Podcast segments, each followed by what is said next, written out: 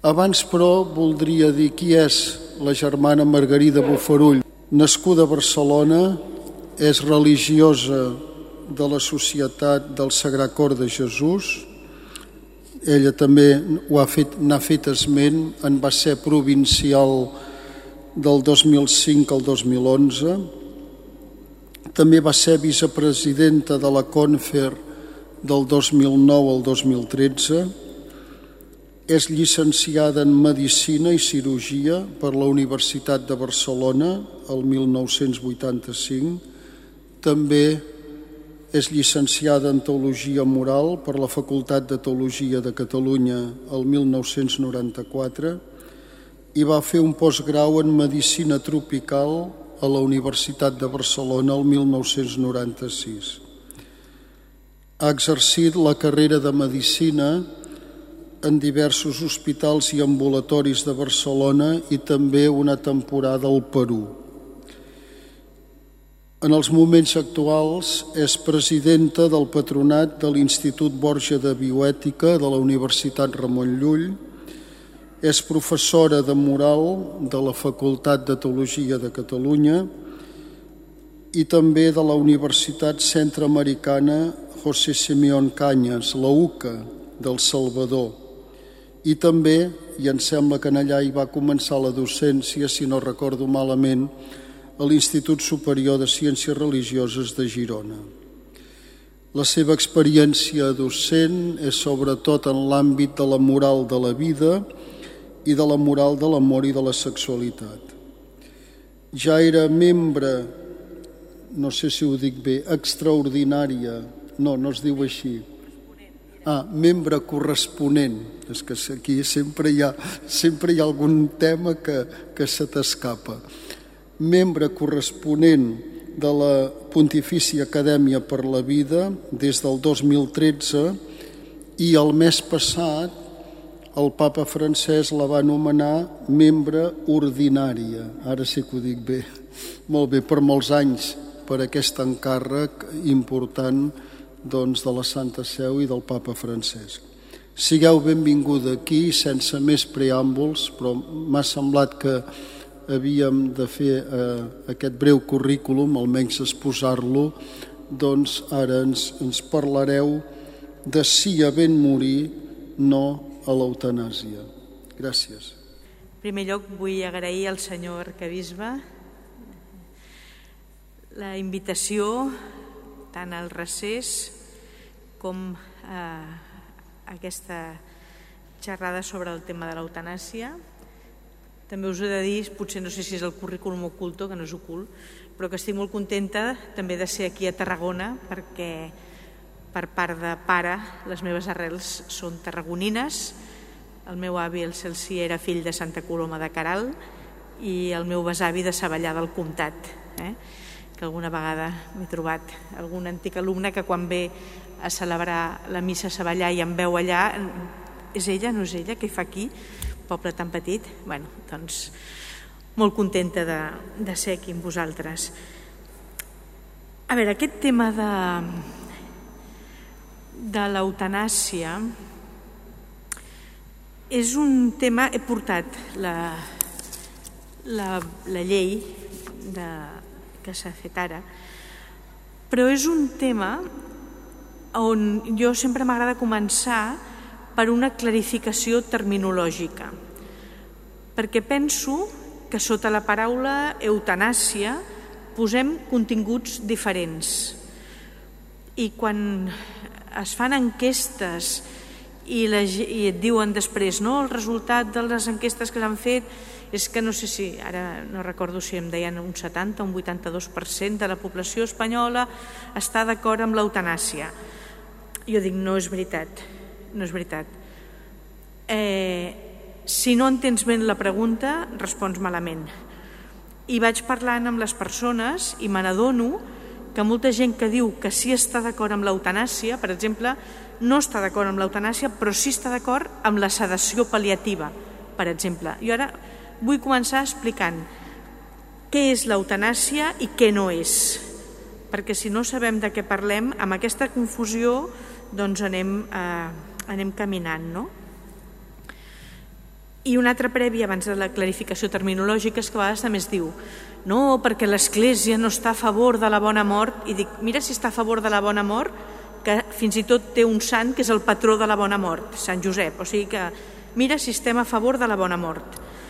El que no estem és a favor de l'eutanàsia no en el seu sentit etimològic, sinó en el sentit real i en el sentit que se li dona a la llei. Eh? Per tant, què és l'eutanàsia? A veure, etimològicament, eutanàsia ve del grec eu, bo, tànatos, mort. Per tant, sí que etimològicament eutanàsia seria bona mort. Val? Fins aquí, jo penso que, no sé si el 100%, però el 99,9% de la població volem una bona mort si és que es pot triar, perquè a vegades la mort et ve sobtadament amb un accident, amb un atemptat, amb el que sigui. No? Va. Però eh, el que entenem per eutanàsia i que també entén la llei, diu, se entiende por eutanasia la actuación, per una cosa concreta, que produce la muerte de una persona de forma directa e intencionada mediante la relación causa-efecto única e inmediata, a petición informada, expresa y reiterada en el tiempo por dicha persona y que se lleva a cabo en un contexto de sufrimiento debido a una enfermedad o padecimiento incurable que la persona experimenta como inaceptable y que no ha podido ser mitigado por otros medios. Repeteixo el que és essencial de la definició d'eutanàsia. Eutanàsia és una actuació que té com a objectiu primordial provocar la mort. És a dir, el fi que es pretén és provocar la mort d'una persona, perquè també a vegades em fa riure. No, és que li han practicat l'eutanàsia al meu gosset. No, mira, els animals es sacrifiquen, no se'ls hi practica l'eutanàsia, és que barregem tot, és igual. Per tant, és provocar la mort d'una altra persona, perquè si és provocar-me la meva és el suïcidi, doncs si de cas entraré un moment amb la distinció entre eutanàsia i suïcidi assistit. Però vaja, és provocar la mort d'un altre, però clar, això es diu homicidi. No? Als inicis l'eutanàsia també se li deia homicidi per compassió, però com que el llenguatge genera realitat i la paraula homicidi ens tira enrere, en seguida es va canviar per eutanàsia, no homicidi per compassió. De manera que és provocar la mort d'un altre, per què? Perquè li tinc mania, perquè no em cau bé, perquè vull cobrar una herència? No, per evitar-li sofriments, o diu eh, el Comitè Episcopal per la Defensa de la Vida fa molts anys, quan el presidia el cardenal Jubany, la definició que fa servir diu que és això, que és l'actuació que té per objecte procurar la mort d'un altre per evitar-li sofriments o bé diu aquesta aquest comitè, per considerar que la seva vida no té els mínims per ser considerada digna. Que això també déu nhi Aquí la llei el que diu és eh, de forma eh, bueno, que és, que és causa-efecte, és a dir, no és un efecte col·lateral la mort, perquè aquí podríem entrar després, si voleu, entrar una mica amb el tema del principi del doble efecte, no és això, és anar directament a provocar la mort i aquí diu a petició informada, és a dir, la llei en principi aquí contempla només l'eutanàsia voluntària. També podria ser involuntària si jo l'aplico a una persona que no m'ho ha demanat. I aquí diu perquè té uns patiments eh, que experimenta com inacceptables. Us he de dir que en algun dels països on aquesta llei és vigent s'ha passat de començar per patiments, diríem, orgànics, físics, inacceptables, a acceptar l'eutanàsia per patiment existencial. Això és una altra història. De moment no és el cas d'aquí, però et dic de moment perquè sabeu que també, ara ja no és des del punt de vista, bueno, també és moral, però més jurídic, un problema que hi ha és que a vegades les lleis comencen restringint molt l'àmbit d'actuació, però eh, es van ampliant en seguida les, les situacions o els supòsits. No? Per tant, eutanàsia és provocar directament la mort d'un altre. Val. Moltes persones, quan demanen o volen demanar eutanàsia, en veritat el que estan dient és no vull patir. No vull patir. I això no és eutanàsia. És a dir, quan una persona m'està dient no vull patir, el que m'està dient és, si plau, agafa l'arsenal terapèutic contra el dolor que tenim i aplica-me'l. Val? A mi no m'agrada contraposar eutanàsia i cures pal·liatives.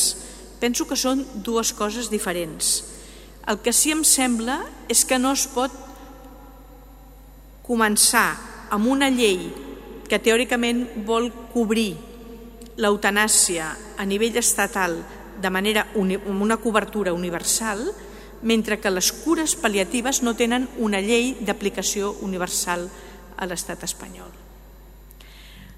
És a dir, hi ha molta gent que està patint amb uns patiments que no tindria si tinguéssim un control adequat del dolor. I això em sembla una cosa que no és menor.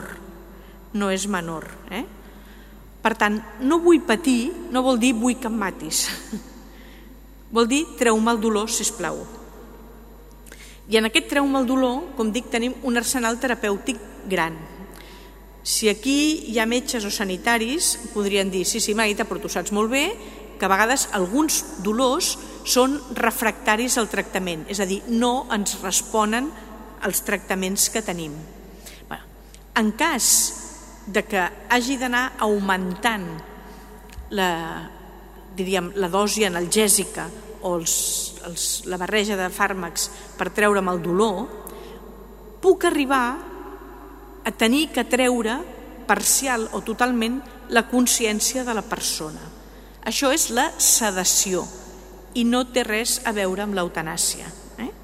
És a dir, la sedació, voldria eh, agafar alguna, alguna definició, per exemple, del, del llibre aquest del, del Javier de la Torre, però, bueno, és igual. Uh, ara no sé si és igual. La, la sedació, com dic, és uh, treure la consciència amb una persona per un dels motius pot ser per eliminar dolors refractaris al, al tractament. Ara no, no trobaré la definició, bueno, m'és igual ho deixo aquí. Per, eh, perquè no, eh, com dic, es, es troba una altra manera de poder treure el dolor. Mm?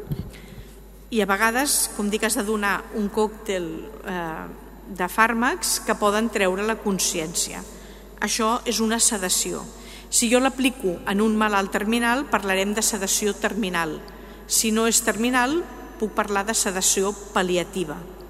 La sedació pal·liativa és legal a l'estat espanyol des de sempre. Eh?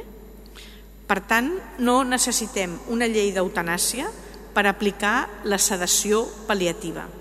I això ho vull dir perquè la majoria de persones el que volen és poder arribar a la sedació pal·liativa si fos el cas. Però és que per això no té res a veure amb aquesta llei. No sé si, si m'explico, si no, mm, aneu preguntant, no? Mm, clar, eh, quan es parla... Bueno, per tant, una cosa és eutanàsia, que ha de quedar clar que l'objectiu buscat és la mort, una altra cosa és la, la sedació, i és que m'agradaria trobar la definició concreta aquí.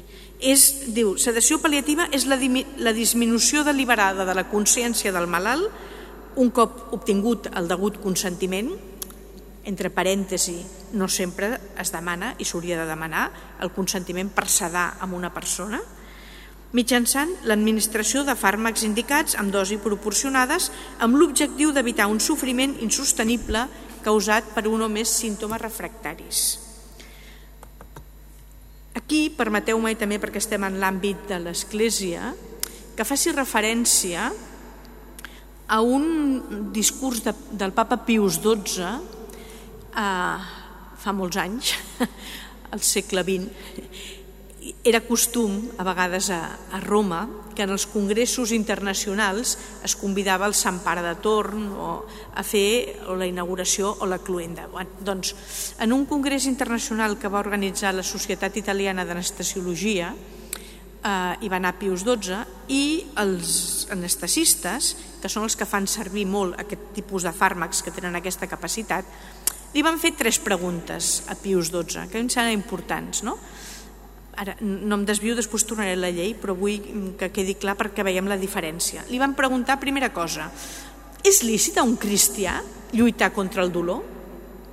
Segona pregunta, és lícit lluitar contra el dolor si com a conseqüència del que m'apliquen puc disminuir o fins i tot perdre la consciència? I tercera pregunta, és lícit lluitar contra el dolor si en aquesta lluita se'n pot fins i tot avançar una mica l'adveniment de la mort? Respostes de Pius XII. Ho dic perquè, si estiguéssim igualada, diríem ara traiem el Sant Cristo Gros, no? A veure, respostes de Pius XII. Sí, és lícit a un cristià, tan lícit és lluitar com, contra el dolor com acceptar-lo. Entre parèntesi, sabeu l'encíclica de Sant Joan Pau II, Salvi Fici Doloris, on ens explica una altra cosa, que és que si nosaltres en la lluita contra el dolor fracassem, no caiem en un absurd i el, el valor redemptor del... això és una altra cosa. Però Pius XII diu, tan lícit és eh, assumir-lo com lluitar contra. I fa servir un argument que em sembla d'or, que diu, perquè a vegades el dolor és de tal naturalesa que incapacita a les persones per béns superiors. És a dir, quan tu estàs en el llit recargolat de dolor, que no et vinguin a dir, bueno, escolti, ara resem, no és que, escolti, si és la meva vida la que és una pregària, que un crit de dolor, bueno, des d'aquí diu, sí que és lícit donar tractaments per treure el dolor que fins i tot puguin disminuir o fins i tot anul·lar la consciència de la persona. Però clar, posa unes condicions perquè es pugui aplicar això. Lògicament, que sigui proporcionat el tractament amb la patologia. És a dir, un mal de cap que jo puc treure amb un paracetamol, ara dic una... no cal que doni una dosi de morfina que el deixi s'entén? És a dir, ha de ser que, que hagi d'aplicar això perquè tot l'anterior m'ha fallat, per entendre'ns. No? I també que abans de que m'ho apliquin, abans de perdre la consciència, s'ha de donar el temps i l'espai perquè la persona pugui satisfer els deures de justícia encara té pendents, és a dir, que es pugui reconciliar amb qui sigui, si ha de deixar coses arreglades que les pugui deixar... Bueno. I tercera pregunta, bueno, però és que a vegades, perquè clar, jo quan parlo a companys metges, a vegades els dic, escolta, tots sabem que alguna vegada la diferència entre la dosi analgèsica, la que treu el dolor, i la dosi letal, la que mata, la tenim en la nostra consciència. Sigui, a vegades estàs, entre cometes, jugant, jugant no, aplicant unes dosis tan altes que pots deprimir el centre respiratori, però tu, quan vas a matar, sí que saps la dosi que has d'aplicar. M'explico? És a dir, en principi, les dosis analgèsiques no són dosis letals. Ara bé, si a vegades la dosi fos tan alta que pogués avançar una miqueta l'adveniment de la mort, doncs sobretot per depressió del centre respiratori, això no és anar a buscar la mort, això és el del principi de doble efecte que faig una acció, això és un clàssic de moral, que té dos efectes, un de bo i un de dolent. El bo, treure el dolor, el dolent, que millor avançarà una miqueta l'adveniment de la mort. Però no és fer una acció que directament té el dolent que és provocar la mort. S'entén la diferència? És que és important, perquè l'Església clar que accepta la lluita contra el dolor, clar que accepta la, la sedació pal·liativa i terminal. Clar que l'accepta. Eh? Tornant a la llei de l'eutanàsia, però em sembla que això és important perquè jo a vegades m'he trobat, sobretot en, en comunitats religioses, que tenen una mena d'escrúpol perquè els han dit que ara sedarem a la germana tal, i diuen, no, però és que a vegades la cedes i se't mor al cap de dos dies, i això l'Església ja ho permet. Bueno, doncs mm, anem a Pius XII, eh? o sigui que i ho podeu llegir eh, perquè està aquest discurs molt famós, el trobareu a, a molts llocs. Si no, la col·lecció aquella de, de la BAC de, de bioètica i magisterio, bueno, estan totes aquestes elocucions. No? Tornant a la llei de l'eutanàsia, que em sembla important. Mireu, per tant, si havent morir eh, la mort continua sent un tabú a les nostres societats. I penso que la pandèmia ens ho ha tornat a posar de relleu. Parlem de xifres de morts. Parlem normalment de morts lluny, en aquest cas més properes per, per efectes eh, de, de la Covid-19, però no parlem habitualment de la mort, de la meva mort, de la mort en família. No, és, és una conversa que la mort ens interroga sobre la vida i moltes vegades no trobem maneres de respondre. No? Les nostres societats i el nostre sistema sanitari està poc preparat per acompanyar a ben morir, molt poc preparat. No tenim moltes vegades espais adequats perquè les persones puguin morir amb l'acompanyament necessari. Mm, dediquem, a veure, doncs, esforços i energies potser més a les parts més orgàniques, però no hi ha aquest acompanyament, aquest respondre a, a les preguntes del, del malalt, aquest estar al seu costat. No? Això vol dir temps, vol dir recursos, vol dir afrontar la mort.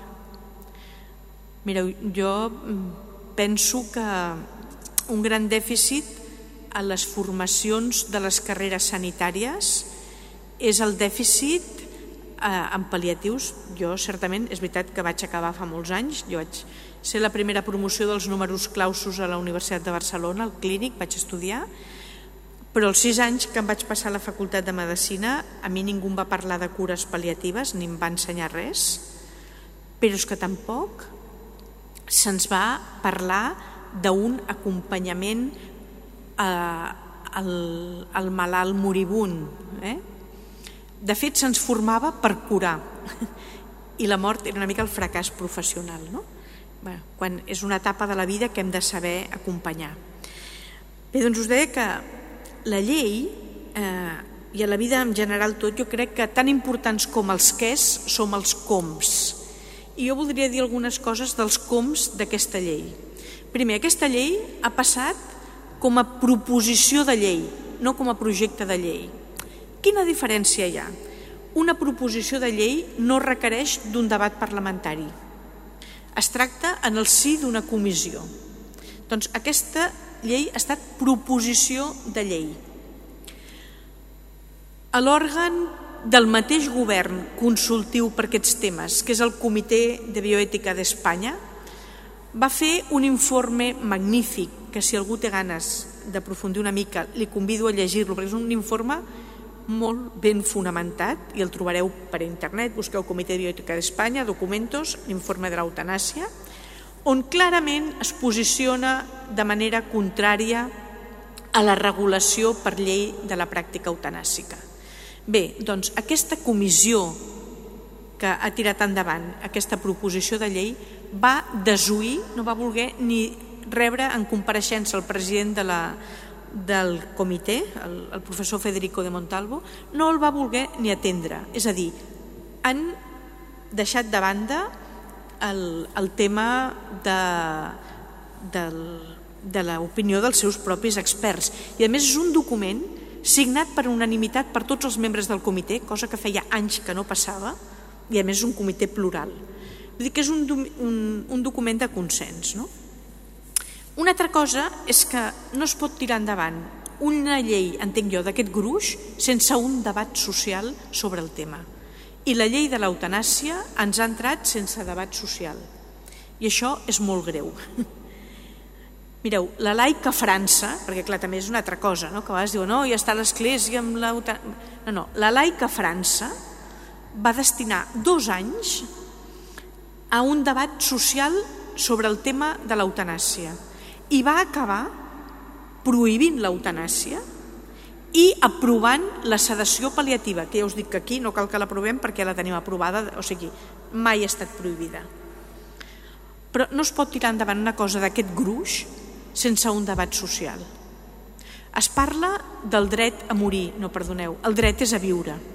La mort és una cosa que vindrà segur. El dret és a morir amb unes condicions, això sí, però el dret és a viure. I eh, hem portat, no sé per on t'ho dec tenir, però... Ai, Dios mío, Margarita, bueno, ja ho trobaré. Però... Espera, potser ho tinc per aquí. És que hi ha una... Hi ha un... Aquí. Hi ha una... Unes, una reflexió dels, dels bioticistes bixamixaildres, que són els que van fer el principialisme bioètic, bueno, és igual, que ells diuen, i, i també recolzant-se amb Callaghan, diu Las reglas de nuestro código moral que nos impiden causar la muerte a otra persona no son fragmentos aislados, son hilos en el tapiz de reglas que defienden el respeto a la vida humana. Cuantos más hilos retiremos, más débil serà el tapiz. Per tant, aquí vull tocar una altra cosa molt important. La meva vida i la meva mort no és només la meva vida i la meva mort. Vivim i morim en una comunitat humana. I per tant, la meva vida i la meva mort tenen repercussió en tota la comunitat humana. I si les legislacions i els drets humans es basen sobretot en aquest respecte a la vida i a la dignitat de la vida humana, introduir aquesta llei és treure'n un fil, no? molts fils, i obrir el camí cap a la vulneració dels drets de les persones que estan en situació d'especial vulnerabilitat. És a dir, la teoria del, del pendent lliscant. Voldria també dir, respecte a la llei, que s'ha anat preparant, perquè penseu que això no és una cosa innocent, que ens ha arribat així, Arriba en un moment de pandèmia, arriba en un moment que la societat no està per debats d'aquests, estem per tirar endavant. I se'ns vol fer creure, no s'explicita així perquè no es pot explicitar perquè és mentida, però se'ns vol fer creure que som com un país una mica traçadet perquè encara no tenim aquesta llei. Bé, Europa, fins, fins al cas d'Espanya, només és legal l'eutanàsia a tres països i són els tres més petits, que és Països Baixos, Bèlgica i Luxemburg. Val? Em direu, i Suïssa? No. Suïssa, l'eutanàsia no està regulada. El que està regulat i aprovat és el suïcidi assistit, que ara en diré una paraula. Però l'eutanàsia, fixeu-vos, no és que sigui legal a tot arreu menys a casa nostra perquè venim de la caverna. Que no, eh?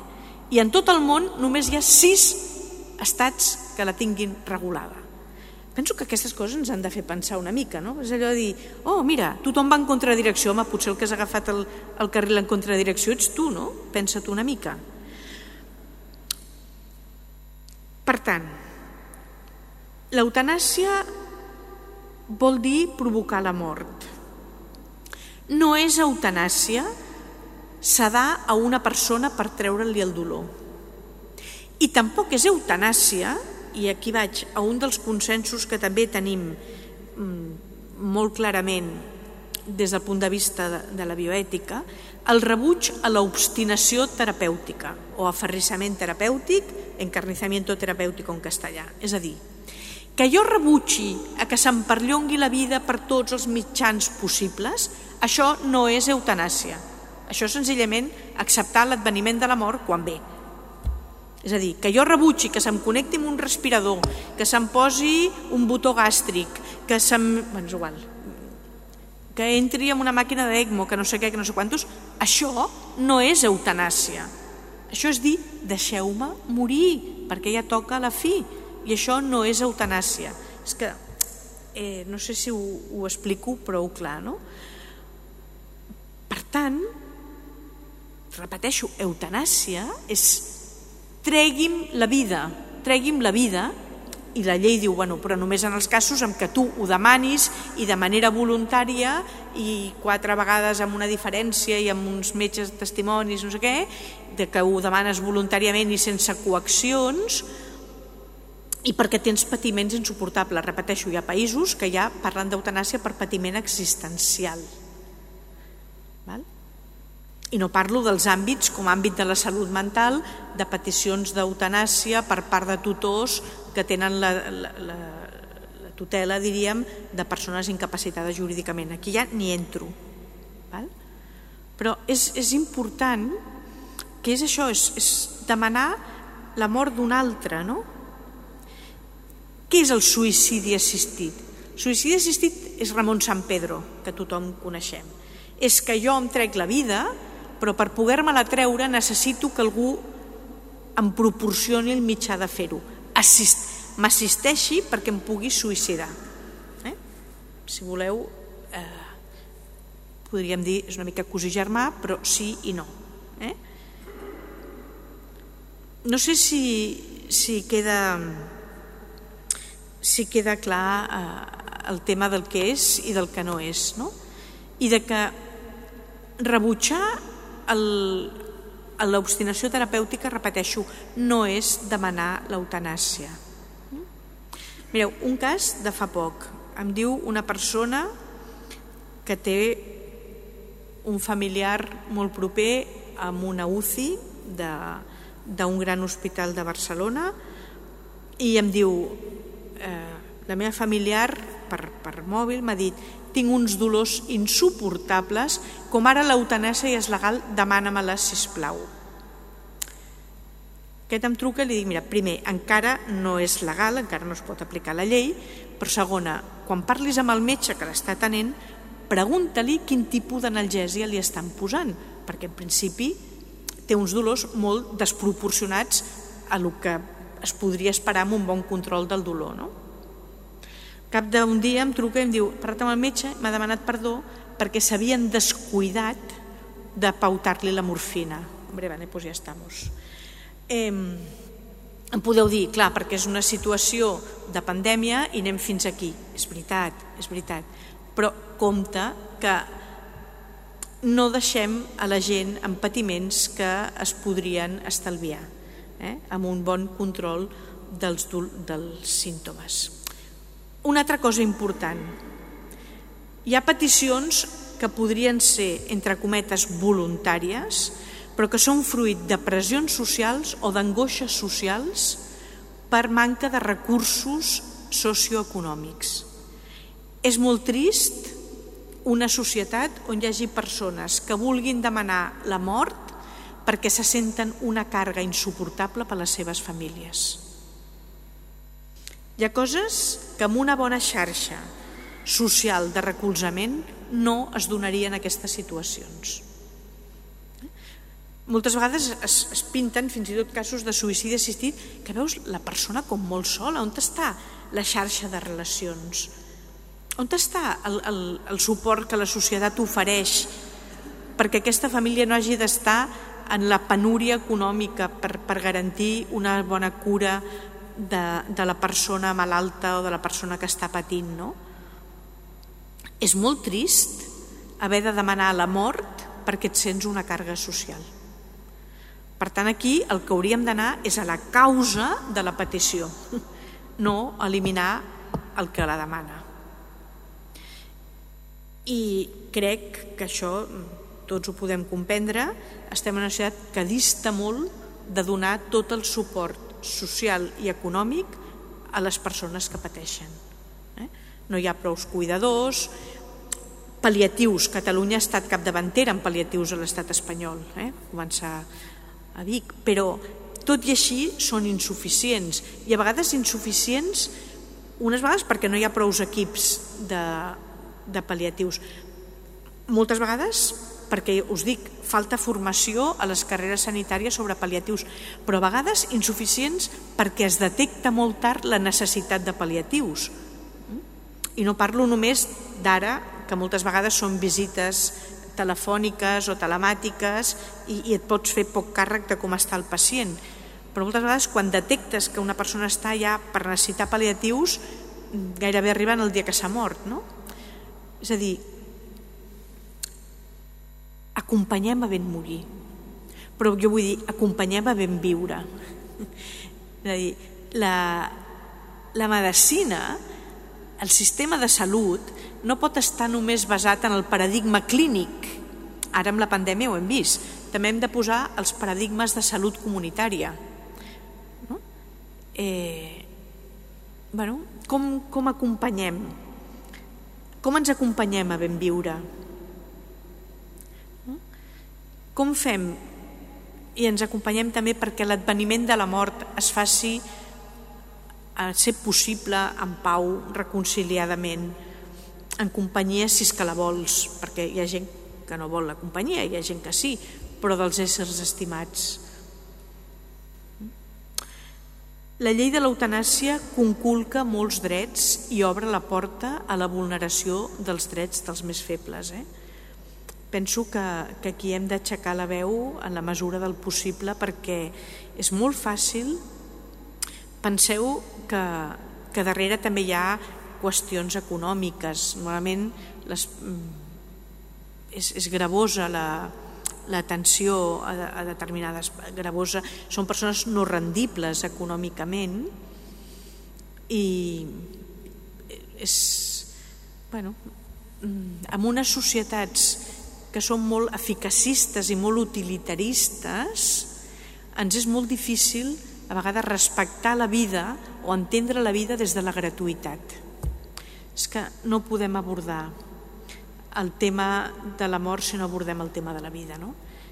I, si, I si no donem valor a tota vida humana, independentment de les condicions en què es trobi. No? Ah, és, si s'ofusca, moltes vegades el sentit de Déu s'ofusca el sentit de la vida, això és, és clar, no? Però acompanyem-nos a ben viure, no? preguntem-nos no sé, es parla molt de... A mi em fa, em fa cosa perquè grups i persones molt pro aquesta llei, quan s'enfoca el tema això de l'eutanàsia, es fan servir uns discursos tan ultralliberals, utilitaristes, la línia de Peter Singer i companyia, tan descarats que si es fes servir el mateix discurs en l'àmbit social seria un escàndol. Però no, en altres àmbits anem a pressupòsits més socials i comunitaris. Però quan toquem la vida, la mort, anem a un pressupòsit molt utilitarista, molt individualista, molt primant només l'autonomia de la persona i ens oblidem que l'autonomia és una autonomia relacional. Però bueno, això seria per una altra xerrada més llarga. No? Eh, fa un temps vam escriure, no gaire, eh, un document cinc persones de cinc centres de, de bioètica vinculades a, a les universitats jesuïtes que dèiem sí a morir con dignidad, con los mejores cuidados y sin dolor. No? I dèiem que hi ha uns, tenim ja uns consensos ètics a final de vida importants. Per exemple, no desitgem la perllongació penosa, precària i artificial de la vida, és a dir, el no a l'obstinació terapèutica. Estem preocupats per dignificar el final de vida. Considerem immoral que una persona mori sola i abandonada. I per tant, la dignitat no juga només en un moment puntual de final, sinó en tot un procés d'acompanyament familiar, social, cultural, espiritual, religiós. No? La compassió no és només atendre un desig puntual, sinó que és patir amb l'altre, posar-nos en la seva pell, no? saber sostenir la mirada del que t'està dient me'n vaig, em moro. Entenem que hi ha persones amb situacions molt dramàtiques, no? però hem de saber donar una altra resposta. Diem, cap individu és una illa, i menys quan parlem d'establir drets units a prestacions socials, com és el cas de l'eutanàsia. No?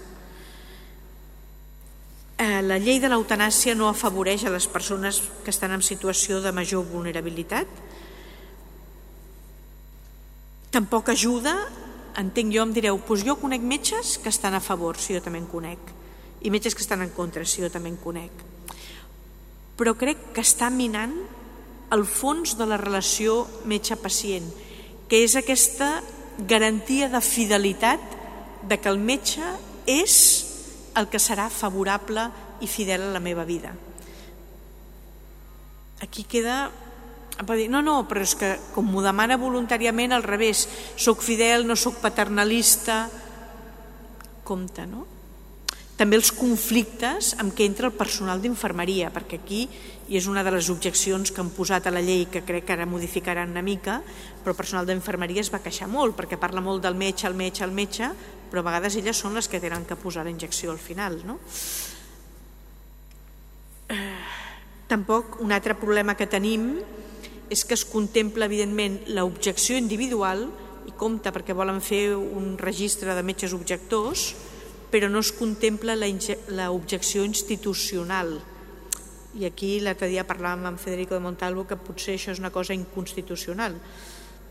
Però és veritat que a Espanya no està contemplada l'objecció institucional per res, només es contempla l'objecció individual la qual cosa també centres sociosanitaris catòlics que es trobin amb, amb demandes d'això. Bueno, podem entrar aquí, és que tot això són temes molt llargs i jo perdoneu perquè tinc la sensació que mato els temes, volent donar vida mato temes per córrer molt, no? Però, eh, bueno, eh, després, com us he dit, no hi ha hagut un, un debat, un debat social, no? i per tant no s'han tingut en compte creences de la majoria de persones, no només catòlics, és que es va signar també un document de les, de les religions monoteistes en contra de l'eutanàsia. Eh? Això es va promoure des de la Pontifícia Acadèmia per la Vida.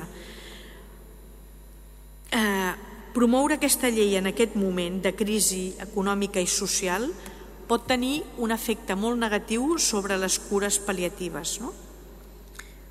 perquè bueno, doncs eh, es pot, pot fer que no s'avanci amb la cobertura universal de pal·liatius perquè s'ofereixi l'altra via. No? I no ajuda a afrontar la mort, com dic, amb, amb serenor. Bé. Per tant, en definitiva és fals que aquesta llei ampliï drets, com es diu, jo em va donar tristesa quan la ministra diu hoy hemos avanzado en los derechos en España. Dic, pues noia, no sé per on tu llegeixes això, no? Perquè és, per mi és una regressió dels drets, perquè s'ha minat el dret fonamental, que és el dret a la vida i la protecció de la vida humana sempre. No n'hi ha prou amb una decisió lliure i autònoma eh? per, per treure'm la vida. Penseu, i no vull ser demagògica, i perdó perquè també em sembla una mica greu perquè com es grava a vegades diran aquesta és una demagoga. Aquí accepto que puc tenir un punt amb el que us diré ara. Però jo sempre ho poso com a exemple. Precisament perquè el dret a la vida és un dret fonamental i l'Estat ha de salvaguardar sempre aquest dret, això em legitima que quan m'arriba a urgències, poso un típic tòpic, però arriben a vegades, doncs, la noia jove, major d'edat, eh, amb un intent d'autolisi, de suïcidi, doncs no sé, per un xoc emocional, pel que sigui, jo, basant-me en que l'Estat tutela, vetlla per la meva vida, més enllà de la percepció de bé sobre la vida que tinc jo a vegades, que pot quedar ofuscada, doncs, no sé, en un moment greu, que m'han desnonat, que m'han diagnosticat una malaltia degenerativa, que en un moment de desesperació faig un intent d'autolisi i no me'n surto i em porten a urgències, jo amb quin dret remonto aquesta persona si ho ha decidit tan lliurement? Ho remonto en base a que s'ha de protegir la seva vida fins i tot per sobre de la seva autonomia que a vegades pot revertir contra el seu bé fonamental. No sé si m'explico. Si resulta que la pròpia autonomia per sobre no hi ha res, perdó, eh, no cal que me'l portin a urgències, ajudin a que, que acabi d'aconseguir el que volia, no? M'explico o no? I, I tenim experiència de gent que l'hem remuntat i que al cap d'un temps s'ha refet i et ve donar les gràcies, no? Eh, vaig tenir un mal moment. Eh, podeu dir, no, no, no, però és que la llei parla només ja de terminals que no es poden remuntar, que són malalties que no tornaran a estar curats. Però fer actes d'amor passa factura, eh? I repeteixo, no és una llei que respongui a una demanda social. La demanda social és a no patir, la demanda social és a bons pal·liatius, la demanda social és a bona atenció primària i hospitalària, la demanda social és a serveis socials que garanteixin el nostre benestar i possibilitin una vida amb dignitat i amb justícia per tothom. No?